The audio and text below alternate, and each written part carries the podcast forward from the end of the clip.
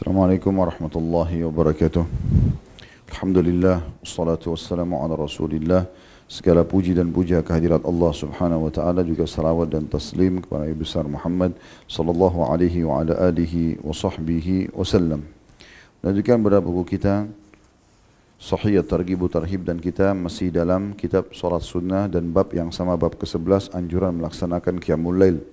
Dan pada kesempatan ini insyaAllah kita akan lanjutkan hadis ke-19 dengan sanad hasan di ghairihi atau menjadi hasan karena dikuatkan dengan riwayat-riwayat lain.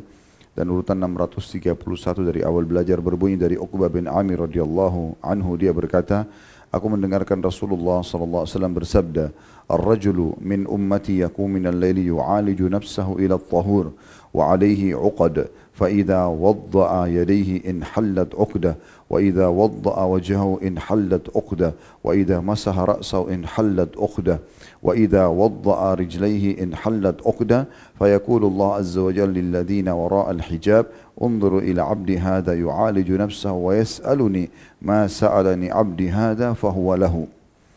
Artinya, seorang laki-laki dari umatku bangun malam, mendorong dirinya untuk bersuci, memaksakan dirinya untuk bersuci, sementara dirinya dikekang oleh simpul-simpul syaitan. Jika dia membasuh kedua tangannya, maka satu simpul terbuka. Dia jika dia membasuh wajahnya, maka satu simpul lain terbuka. Jika dia mengusap kepalanya, maka satu simpul lagi terbuka. Dan jika dia membasuh kedua kakinya, maka satu simpul lagi terbuka.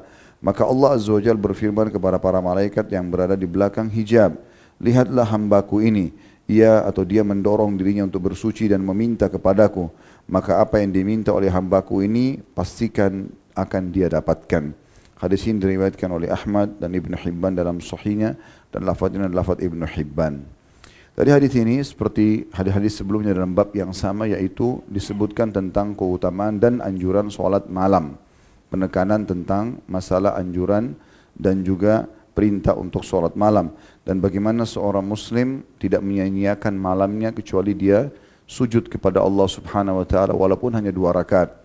Kalau dia sudah mampu sampai sempurna 10, 11 rakaat maka jauh lebih baik. Dan kalau sudah dia kerjakan maka dia konsisten menjaganya. Perlu saya ingatkan kembali juga hadis 18 menguatkan masalah ini. Langsung saja ke terjemahannya.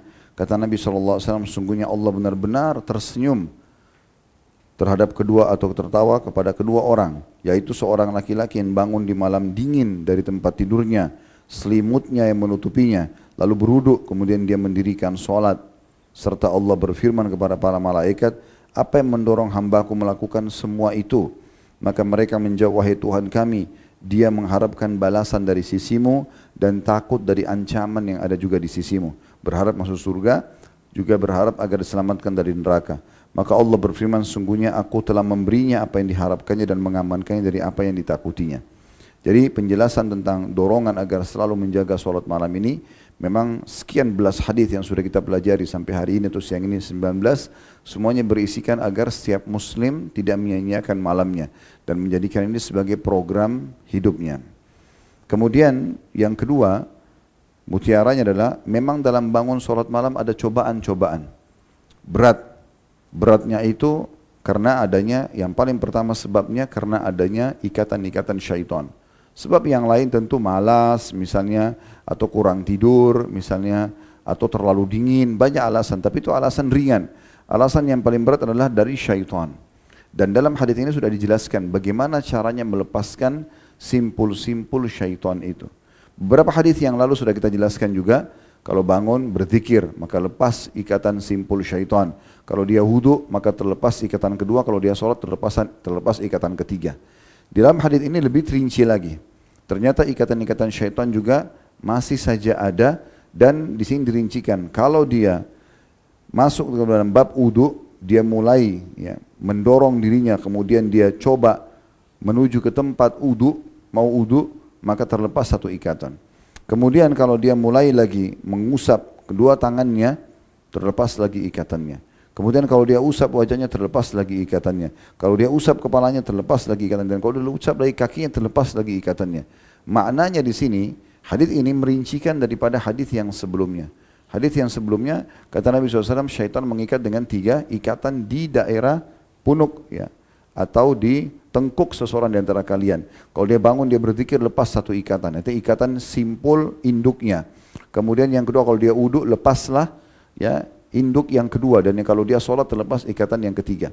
Di sini khusus untuk ikatan simpul induk masalah wudhu dirincikan dalam hadis ini. Artinya simpul ini bukan satu saja tapi dia punya banyak ikatan-ikatan lagi yang membuat mungkin orang selepas ya bangun berzikir masih bisa dia malas kemudian dia tidur lagi. Atau kalau dia sudah wudhu kemudian wudhunya tidak sempurna masih ada rasa malasnya digoda oleh syaitan untuk tidak mengerjakan. Tapi di sini dirincikan uh, simpul induk yang kalau dia wudhu lepas itu adalah dimulai dari telapak tangan kemudian dia membasuh wajahnya dan seterusnya sampai kakinya barulah lepas sempurna simpul syaitan itu.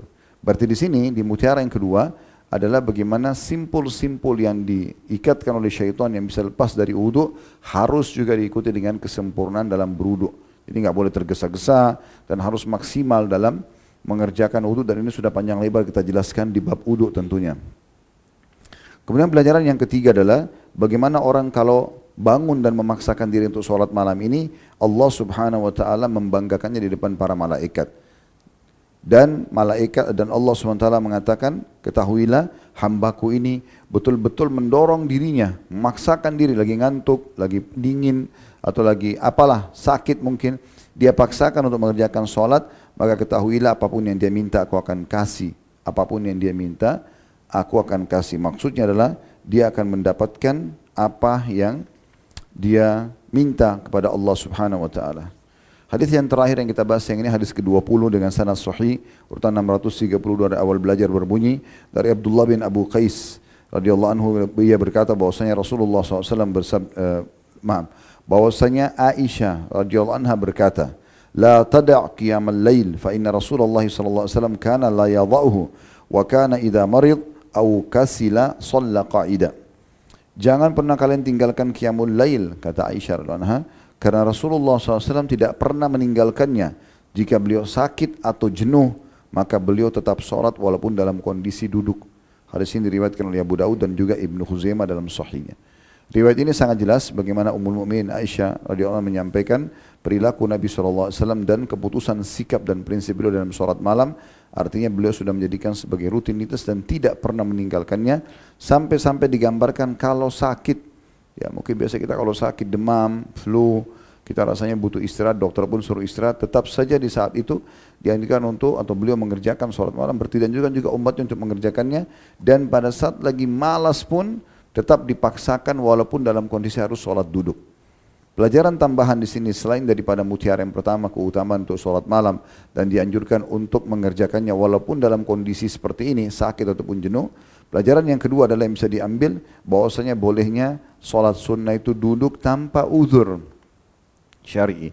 Kalau solat duhur kayak begini atau solat wajib harus ada alasan uzur syar'i antum bisa berdiri pindah ke duduk. Ya misalnya memang betul-betul dalam kondisi sakit tidak memungkinkan kalau tidak nggak boleh.